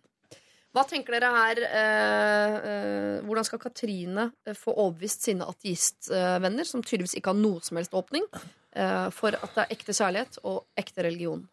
Altså sånne ateister, sånne hardbarka-ateister, da, de kan jo bli veldig fundamentalistiske. Så når de møter sånn gladkristen kristen fundamentalist som hun viser seg blitt nå, så, så er det jo, ligger det jo til rette for ganske sånn eh, harde sammenstøt. Ja. Men det som er Altså, religion Jeg mener å huske at det er en privatsak uh, i vårt samfunn i våre dager. Ja. Eh, så de kunne la være å bry seg. Så er det sånn hjernevask-element der. Vi fikk jo ikke noe kjøtt på beinet med hensyn til Altså, hun høres ikke ut som noen sånn kjip kristen fundamentalist. Hun er bare litt gladere enn hun pleier å være. Ja. Og det bør vi jo unne folk. Så jeg tenker at uh, utslagene av hennes religionsutøvelse er veldig uproblematisk. Så det er, det er, det er et slags sånn svik eh, her da, som ligger til grunn. Disse ateistvennene føler at de i fellesskap har sett lyset, eller motsatt av det. Mangelen på lys har de sett i fellesskap, nemlig at det ikke fins noen gud. Og når hun da liksom skal begynne å tro på Gud igjen, så oppleves det jo som et skritt tilbake. Mm. Altså, Når du først har lagt deg på et sånn vitenskapelig fundert verdenssyn, og da begynne å tro på magi og overtro igjen, det er jo Det opplever du vel som et svik, da. Men vi kunne ha byttet til religion her med hva som helst, men her har vi jo med å gjøre eh, Altså Katrine her har jo vært litt vinglete i forhold til at hun har gått litt fram og tilbake på hva hun eh, mener i livet. Og jeg skjønner at man som vennegjeng kan bli litt bekymra for Å, ja, er vi tilbake der? Det virker som du måtte eh, snu litt etter vinden, da. At eh, det er på grunn av denne mannen at hun nå har funnet veien tilbake til Gud. Og man skal jo ikke følge eh, forelskelsen og kjærligheten inn i alle mulige kriker og kroker eh, bestandig. Kan du skjønne at jeg er bekymra for venninnen sin her, Kaveh? Jeg syns det blir å ta litt hardt i. Og så syns jeg da de skal unne eh, venninna denne nye åpenbaringen i en eller annen form. Da, det, det spørs jo på hennes selvfølelse, da. Hvis hun generelt sett føler seg bedre, Ja. så syns jeg, synes jeg det blir for hardt å på en måte skulle du veit, se på det som en eller annen form for problematikk, da. Fordi så Ja. lenge ikke hun påfører eh, kristendomsmas til vennegjengen sin, så syns jeg det er rart at de skal reagere så veldig mye hvis hun føler seg gladere med han. Fordi hun føler seg jo gladere med han fordi han er en fin fyr, ikke først og fremst fordi han er kristen. Nei. Men eh, hvis hun begynner å mase om Jesus i eh, den ateistiske vennegjengen, da hadde jeg sur. Ja, uansett om hun hadde blitt muslim eller kristen eller buddhist, så blir man jo sur på folk som maser om noe de selv syns er viktig, som du selv bare åh, La meg slippe. Ja. Eh, Så det er jo som Hans Olav sier kanskje da at eh, det er jo en privatsak, så man trenger ikke å være så veldig opptatt av eh, eh, at hun muligens har blitt kristen. Men at hun heller har møtt en hyggelig fyr. Så rådet til Katrine her er å bare være eh, forelsket og holde det religionsgreiene sine for seg sjøl. Og ikke snakke så mye om det til vennegjengen, for det har de faktisk ikke noe med. Og kanskje da slutter å plage dem òg. Bare, bare skyte inn i ting. Så lenge det ikke skjer et sånn brått karakterskifte i henne, så burde det være greit. Ja, og det Ja. kan man jo nesten si at det er, for at hun omtalte seg selv som ikke bare ateist eller skeptisk til religion, og sånt, men hun var rett og slett en kraftig ateist. Og da var det ikke betydningen tjukk eller at hun har lagt på seg, men hun var liksom nesten ytterliggående i sin eh, manglende tro på Gud. Ja. Og så plutselig bli sånn enormt gladkristen og ha tro på at det fins en mening med det hele. Jeg skjønner jo at omgivelsene kan bli litt forvirret av det skiftet. Ja. Um, og at fundamentet rundt under vennskap eller hva man har snakket med, om, og sånn blir litt borte. Så hun må nok gå litt forsiktig frem her i, i, i eh, måten hun snakker om det på, kanskje. Dette vet vi jo ikke, men det virker som hun har hatt denne vennegjengen gjennom alle disse fasene. At forrige gang hun var kristen, så var det også disse ateistvennene hun hadde. Og så når hun gikk da over til å bli ateist, så tenker hun sånn Å, hun er inne på vår banehalvdel, og så forsvinner hun ut igjen. Og den forvirringen kan jeg også forstå. Kan fort bli en stående vits i seg. Har ikke hørt det? Når jeg er blitt kristen igjen. Selvfølgelig. Men de burde jo også klare som gode venner å se transformasjonen i henne fra uh, lykkelig til ikke lykkelig og tilbake til lykkelig. Og den burde jo være viktigere enn akkurat hvem han fyren var og hvilken religion hun er innom, tenker jeg da. Hvis hun er lykkelig, så er det bra. Men skjedde det forrige skift i møte med en annen kar? Nei, det står det ikke noe om. Der virker det mer at hun følte ikke at hun fikk hjelp. Hun slo opp med Gud mer enn hun slo opp med en mann sikkert en kristen eh, oppvekst, da, og så slo hun opp. Ja, det vil jeg tro. Og nå er hun tilbake igjen. Så det er ikke så rart at hun egentlig kommer tilbake igjen, da. Nei. Nei. Jeg skal skyte en ting. Jeg gleder meg til når du møter Mustafa og blir muslim. Da skal artistene bli sure. Da. da skal de kjenne på det. Da skal i hvert fall den veldig kristne eksen bli ganske sur, vil jeg tro. Eh, Stol på det, du Katrine, at du har det bra, og vennene dine vil se det på sikt. Så trenger du kanskje ikke å snakke så innmari mye om Jesus både her og der, men bare vær lykkelig og lev liksom i den bastante overbevisningen om at der du er nå, det er et virkelig bra sted.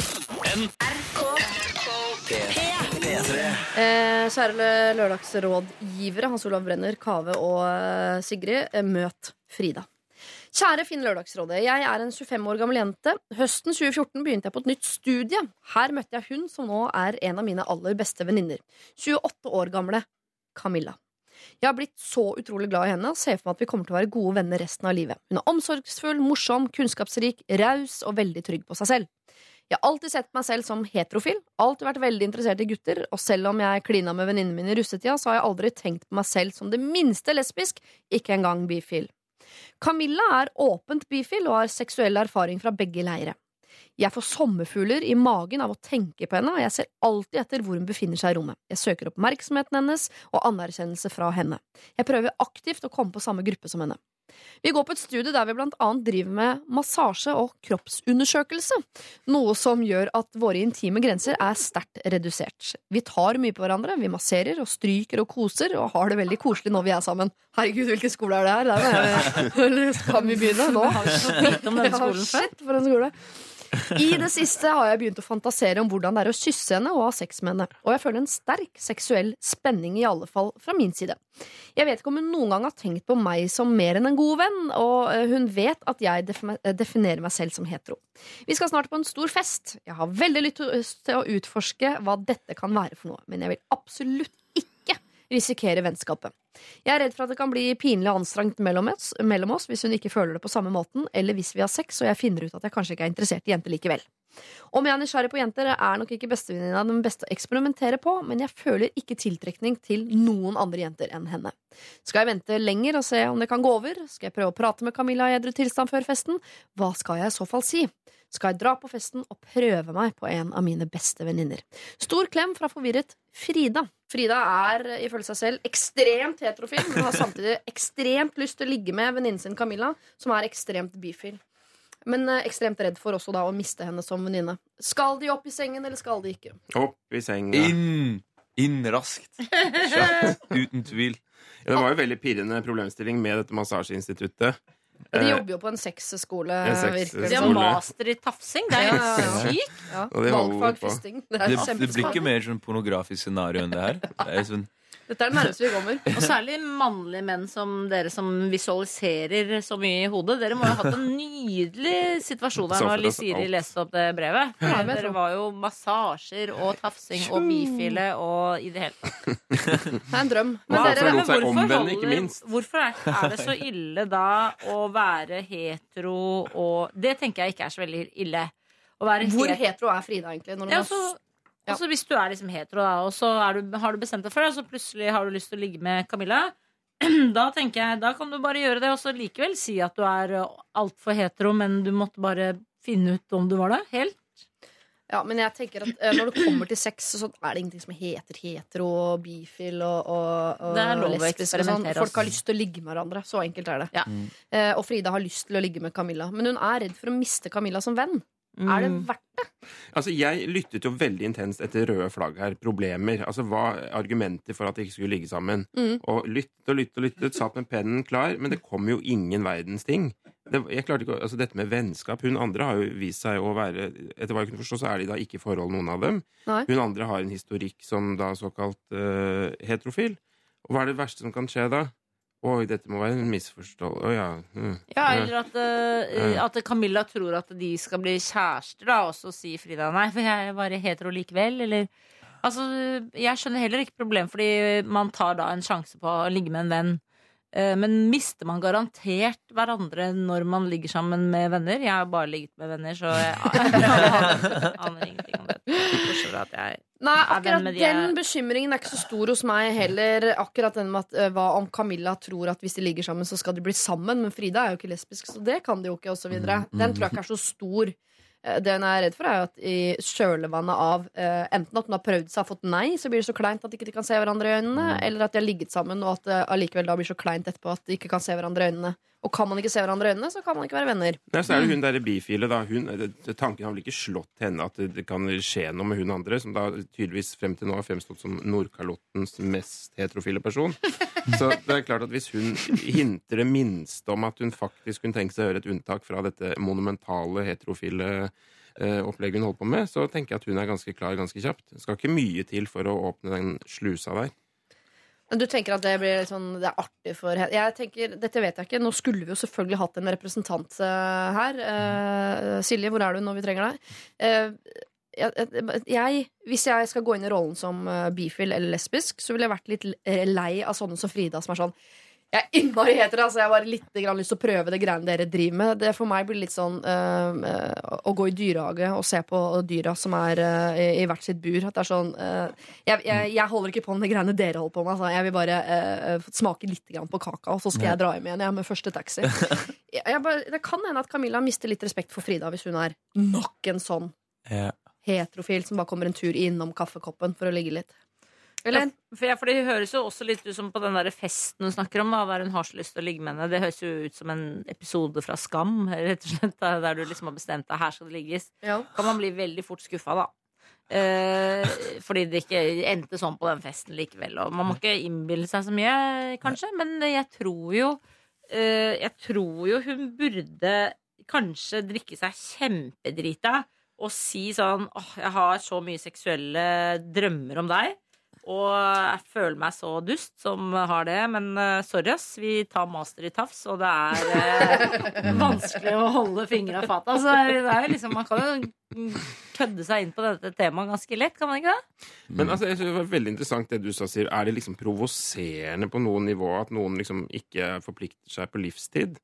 Eh, Jeg tror uh, de hardbarka lesbiske uh, vil synes det er irriterende med sånne Fridar som kommer innom og skal bare uh, prøve for en helg, og så skal de hjem igjen. men hun venninnen er jo ikke hardbarka. Hun er jo like hit og dit som Altså, hun har jo holdt på med begge deler Det er allerede. sant. Det er sant. Så hun er moralsk sett hvis hun skulle, så er hun jo ute å kjøre. Vinglepetter, ja. Mm. Mm. ja. Men hva foreslår dere helt konkret at eh, Frida skal gjøre på denne festen? For det, selv om jeg mener at den deadlinen ikke fins, så kan det være deilig for Frida å ha en deadline, sånn at hun eh, har noe å jobbe seg fram mot. Altså Hun må jo jobbe raskt, hun er jo så sinnssykt heterofil at det er jo veldig stor sjanse for at disse erotiske følelsene er over innen morgendagen. liksom Så her må det skje fort hvis det skal skje noensinne. Ja, den Festen er ganske snart, da. Du eh, som antageligvis er den mest habile sjekkeren av oss, Kave. Eh, Eh, Vi husker ikke hva det greiene der er for noe. Eh, Fortell oss nå hvordan Frida skal gå fram ja, på men denne eh, festen. Sigrid sin slagplan var eh, genial, den, altså. Så bare Drikke seg drita. drita, få utløp for det du føler, og så ta det derfra. Det er en Ja. fin arena, det der. Det er jo det, tror- alkohol løser så mange Ja, ja, problemer. Ok. Mm. Eh, Jo, men fordi det gjør det jo. Ja. ja. Okay. ja. Eh, jeg mener jo at du kan gå på denne festen og gjøre hva du vil, men at du kan gjøre et lite framstøt der, det er jeg helt sikker på at det er eh, verdt. Jeg føler her at du legger faktisk ikke vennskap i potten, men du kan vinne i hvert fall en kveld du aldri glemmer.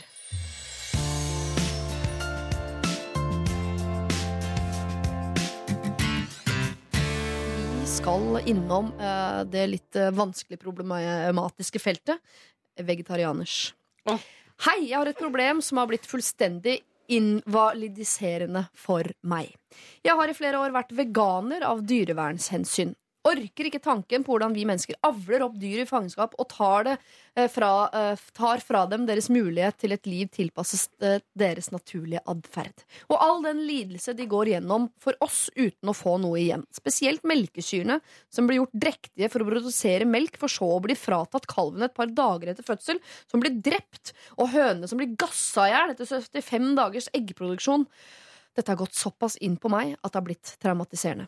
Problemet er at jeg har det bra med å være veganer, men flere av mine venner spiser jo da kjøtt. Og jeg klarer ikke å være samme rom som noen som spiser kjøtt uten å få følelsen av å føle meg elendig. I noen selskaper har jeg endt opp med å løpe på do og kaste opp i synet, av, synet og matosen fra kjøttretter. Det hele har resultert i at jeg har sluttet å gå på besøk til folk, og jeg har sluttet å gå ut og spise med venner. Og i tilfeller hvor jeg har tatt en kaffe med venner, og de finner ut at de skal bestille mat med kjøtt, så får jeg panikk og lyver om at jeg har fått en viktig tekstmelding og dessverre må gå. Jeg kunne ønske jeg kunne være ærlig med vennene mine og fortelle at jeg ikke klarer å være sammen med dem i situasjoner hvor de spiser kjøtt, men jeg er redd de føler jeg dømmer dem som personer, i stedet for å forstå at jeg bare ikke klarer lukten og synet av kjøtt.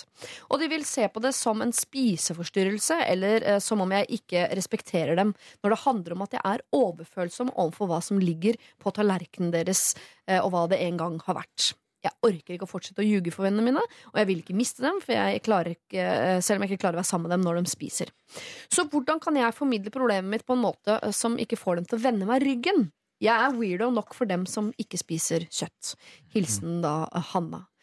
I dag, jeg gjør det tøft for dere i dag. Eh, vi er innom liksom, eh, det sexgreiene. Virket som det var lett for dere. Men vi har vært innom religion, hva når man er fra forskjellige religioner. eh, eh, og nå skal vi innom eh, veganere, som jo også er en slags form for eh, religion.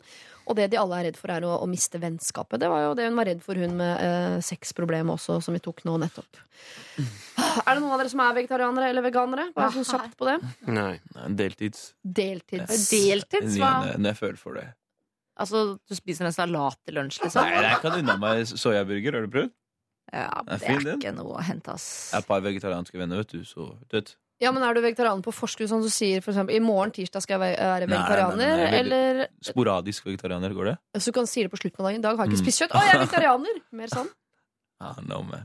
Et eller annet imellom deg. Du er jo en slags bifil innen Jeg er eh, bifil i ja. matfronten. Ja, Helt riktig. er Helt du. riktig. Vi skal eh, sammen da prøve å hjelpe Hanna. Selv om vi dessverre ikke har noen representanter fra Veganerforeningen her, så skal vi prøve å gjøre så godt vi kan hvert øyeblikk. Dette er P3. Hvordan skal Hanna eh, komme seg gjennom livet? Det er egentlig spørsmålet. Det er et ganske stort problem. Ja, dette er helt krise. Altså, hun Nei, Det går jo ikke an. Hvis du ikke takler folk som kjøper seg litt av brødskive med, med salamipølse på åpent bakeri, liksom, og du må gå ut og late som og du må ha fått en telefon og sånn. Hun takler jo ikke livet i det hele tatt. Dette er livsfarlig. Hun har et kjempeproblem. Hun må skjerpe seg.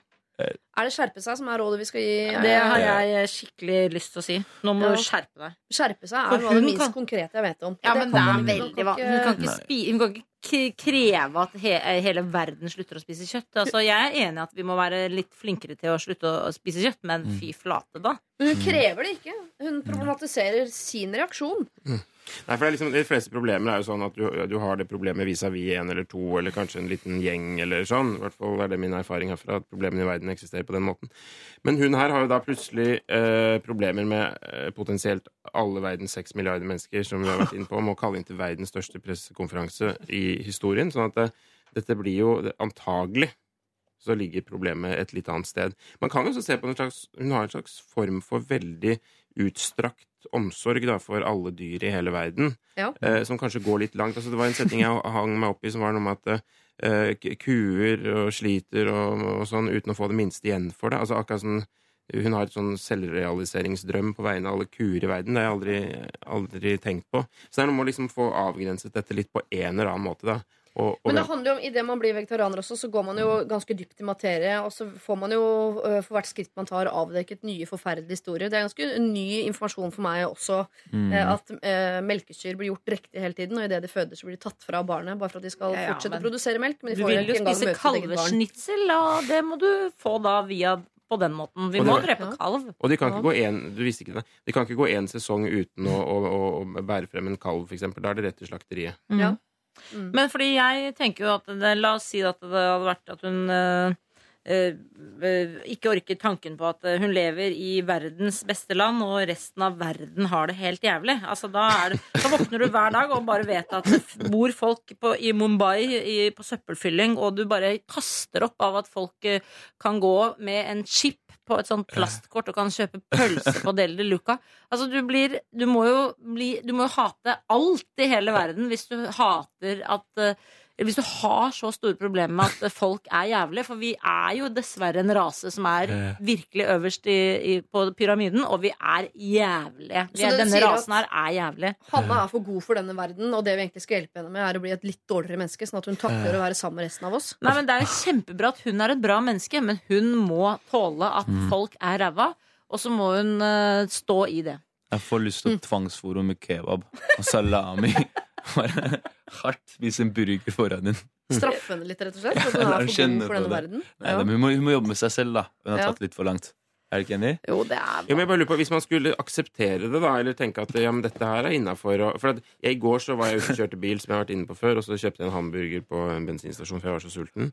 Og så da Det er bra jeg at du må forklare dem at du var sulten. Som en slags unnskyldning.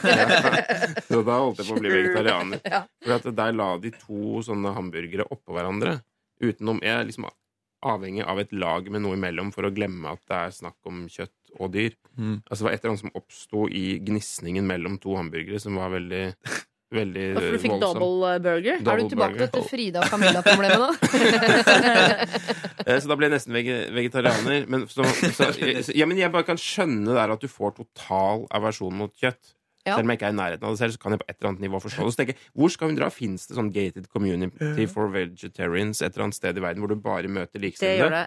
USA India, jeg tror jeg. Ja, og India. ja. Å, jeg er 100 veggis. Jeg får bare lyst på én burger. Bare Vi, én. jeg var i sånn nedbrytbar landsby i USA, eh, der alt var bare laget av eh, ting som kunne spises. Liksom Vegger og klær og mennesker og alt liksom var bare helt nedbrytbart. Og der sto det, i, midt i den landsbyen som var så økologisk og vegansk, sto det en Pepsi Max-maskin. Bang, bang. og da, det er jo veldig gjøglete. Sånn er amerikanere. De har, klarer ikke liksom å holde seg helt unna. Det var en Pepsi Max-maskin, så alle kunne kjøpe litt Pepsi Max. Ja. Og det er derfor jeg mener at du må på en måte tåle at verden er skrudd sammen ganske fucka. Mm. Du har en god holdning til kjøtt, dessverre. eh, Selv om jeg mener at man må ha litt kjøtt, eller da må du i hvert fall ta litt jern eh, sånn, og ta litt ekstra tabletter, sånn at du ikke blir helt fucka når du blir eh, gammel. Jeg kan bare skyte inn en Mm. ting. Men det har gått fra et sånn, liksom, det å være vegetarianer er mer sånn standpunkt. Ja. Kjøtt spiser jeg ikke. Men det her er- virker mer som en psykisk lidelse. Å være du veganer er Ja, psykisk ja, det er det, lidelse. ikke sant? Ok, ok. Ja, det må du få kjøre meg opp. Jeg er litt sånn fersk når det kommer til det her. Nei, men det er jo Altså, jeg bare mener at det, det er kjempebra. Og hun er jo da mot også Hun kan jo ikke spise kaviar. Nei. Jeg vet ikke, Alt av fisk kan man heller ikke spise. Nei. Det var det Ja, de- kaviareksempelet som virkelig fikk meg til å forstå alvoret. Det er fordi du trykker ut kaviaren av fisken. Det er jo forferdelig for fisken. da Du sitter og drar i magen eller tarmen på den fisken, og så skal Mm. du trykke deg kaviar. Mm. Ja, det er, altså, Hanna beveger seg jo uh. Det kom, uh, Livet hennes kommer til å bli vanskelig, men jeg mener at vi er litt øh, avhengig av at noen står på barrikadene. Ikke for at det skal bli sånn som hun vil ha det, men et eller annet sted på halvveien mellom der vi driver og mesker oss rundt i baconfett, og på den høye åsen hvor Hanna står i, i lyset fra en eller annen veganergud. Så stå på, Hanna, men selv om ikke det er så konkret, så er du faktisk nødt til å skjerpe deg. Dette er er P3. Folkens, vi har fått øh, en øh, mail fra Jeanette. Husker dere Jeanette?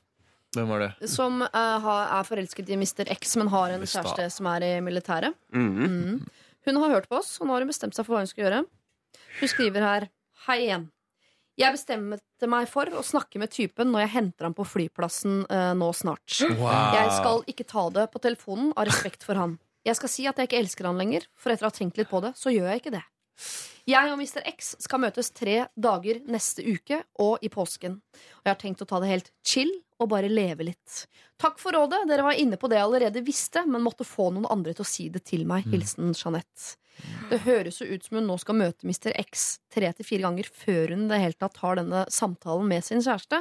Og når hun da sier, eller du da, Jeanette, du hører vel fortsatt på, når du sier at du skal ta det helt chill, så håper jeg det betyr at du ikke skal agere, selv om du nå har bestemt deg. Så ikke gjør noe med Mr. X nå før du har snakket med kjæresten din. Du kommer til å føle det så mye renere og så mye liksom mer uh, streit hvis du først tar samtalen med kjæresten din, og så kan du eventuelt gå videre med denne Mr. X. Men det må være deilig for deg å i hvert fall ha tatt et valg. Nå skal dere ta et valg, folkens. Dere skal få lov til å dele ut en kopp til den dere mener fortjener det mest, basert på uh, følelser eller intellekt. Uh, vil dere at jeg går gjennom uh, kandidatene? Ja. Ja. Vi har Catfish uh, tidlig ut her. Altså hun som har sendt nakenbilder av seg selv på nett, men det er ikke av henne, og nå skal hun møte denne mannen. Uh, vi har en som er bekymret for venninnen sin fordi hun trenger alkohol for å sove godt. Og så har vi da Jeanette her, som har følelser for Mr. X, og som nå snart skal da gjøre det slutt med sin kjæreste. Så har vi dette mobbeofferet som syns det er vanskelig å avvise denne 40 år gamle dama som vil eh, snakke med han i alle pausene. Så har vi eh, hun som har en vennegjeng som eh, mener at både kjæresten til denne jenta og religionen hennes er eh, dritt. Så har vi Frida og Camilla. da eh, Frida har jo lyst til å ligge med Camilla, og det har Hans Olav Brenner også veldig lyst til at de skal eh, gjøre. Det er det eneste han tenker på. Og så har vi til eh, slutt her Hanna som kaster opp ved synet eller lukten av kjøtt. Hun har allerede fått beskjed om å skjerpe seg, så kanskje hun også skulle få en kopp. Jeg vet ikke, det er opp til dere. Ja, det er i hvert fall et plaster på såret når du får beskjed av å skjerpe deg. Det er jo forferdelig å egentlig få beskjed om. Ja. Så kan hun kaste opp oppi den koppen ikke sant? hver gang hun sitter med vennene sine. ja. Burde fått en bøtte istedenfor hunden. Har du en, eh, har du en Lørdagsrådet-bøtte? Bøtte har vi ikke ennå, dessverre. Men hva med hun med alkohol, da? For hun burde heller drikke sånn søvnte. Hun som skal eh, få sove. Hun burde lære seg å drikke sånn kamillete før hun sovner istedenfor to øl. Det er vel Frida som skal drikke Camilla-te, er det ikke det? Sorry. Jeg bare prøver å fluffe fantasiene til Hans Olav Brenner. Gi den til meg, ja. Ja. Dere må bli enige. Eh, nei, jeg syns at hun eh, som skulle skjerpe seg, skal få den, ja, altså. Ja. Hvem var det igjen? Ja, det er jo Det er mange som må Hanna, skjerpe seg. da. Eh, Veganer- Veganer-Hanna har fått beskjed om å skjerpe seg og kommer til å gå gjennom et vanskelig liv, rett og slett. Ja, ja. Kanskje hun skal få en kopp? Hun som du skal trøkke en kebab inn i kebab kjeften. inn i. Ja, da, vi, mener du det, Kava? At vi kjører eh, veganerkopp? Jeg er liksom pokal for veldig mye gode meninger på én måte, men liksom påminnelse om at det ikke funker i denne verden helt. Ja. Det blir det, altså. Uh, Mm. Hanna, uh, du Du har fått beskjed om å skjerpe deg, og du har også fått høre at du antakeligvis blir tvangsfòret med kebab. Men av kave, Yeah, da, yeah. så er jo litt grann gøy. Det er bonus, ass. Uh, Det vil jeg også bli. Herregud. Kan tvangsfòre deg med mye annet også. Daddy milk is coming down. Ok, Hanna, dette blir jo en fest for deg framover. Eh, du skal få en kopp og i det hele tatt mye annet fra K for Kave. Eh, takk for i dag, da, folkens. Takk for nå. Bang, bang. Lørdagsrådet er tilbake om en uke, så fortsett å sende inn mail. lralfakrøll.nrk.no. Dette er Dette er P3.